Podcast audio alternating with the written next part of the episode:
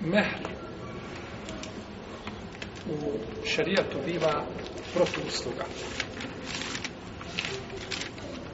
Protuusluga koja se naziva raznim imenima u šarijatu kao eđer, kao ferida, mehr, sadak, slično tome.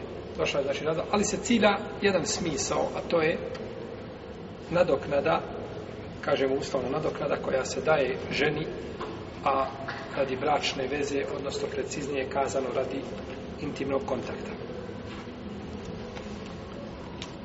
sadak je došlo od arapskog glagola sidk ili, ili, ili imenice sidk što znači iskrenost pa je ovdje potvrđena iskrenost muža da želi da stupi sa ženom u bračni kontakt.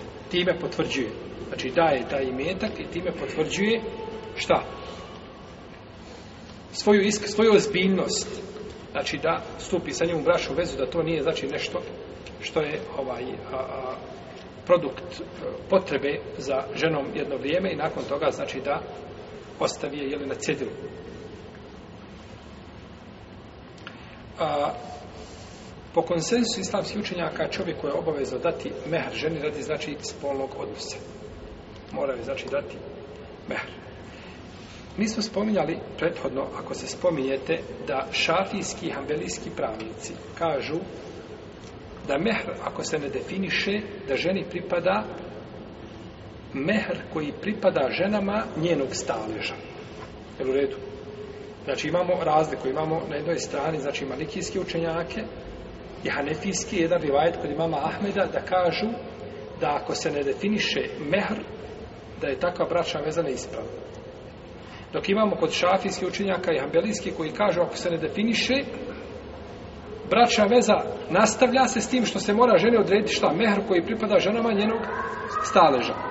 Tako da ovo razilaženje ne utječe na šta na činjenicu da je mehr obaveza dati. Ima da ćeš ga, ili ćeš ga dati onako kako ste se dogovorili, ili ćeš ga dati onako kako šta pripada ženama tog staleža. Ali da ostane bez mehra, to ne može. To ne može. I to je počast žene u islamu koje nećete naći na drugom mjestu. Znači da žena ima pravo na, na imeta kojim ona isključivo znači upravlja i koji pripada jeli, i koji pripada njoj.